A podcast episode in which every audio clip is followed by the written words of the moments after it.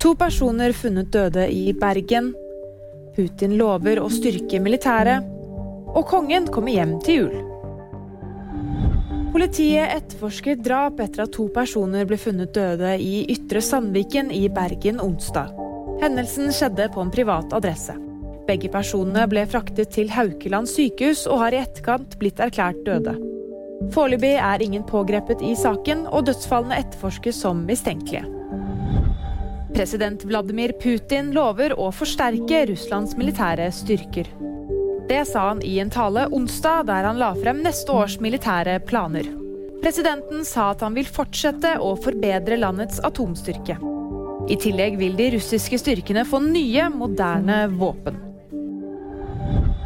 Kong Harald forlot Rikshospitalet mandag ettermiddag. Kongen har vært innlagt på sykehuset siden mandag pga. en infeksjon.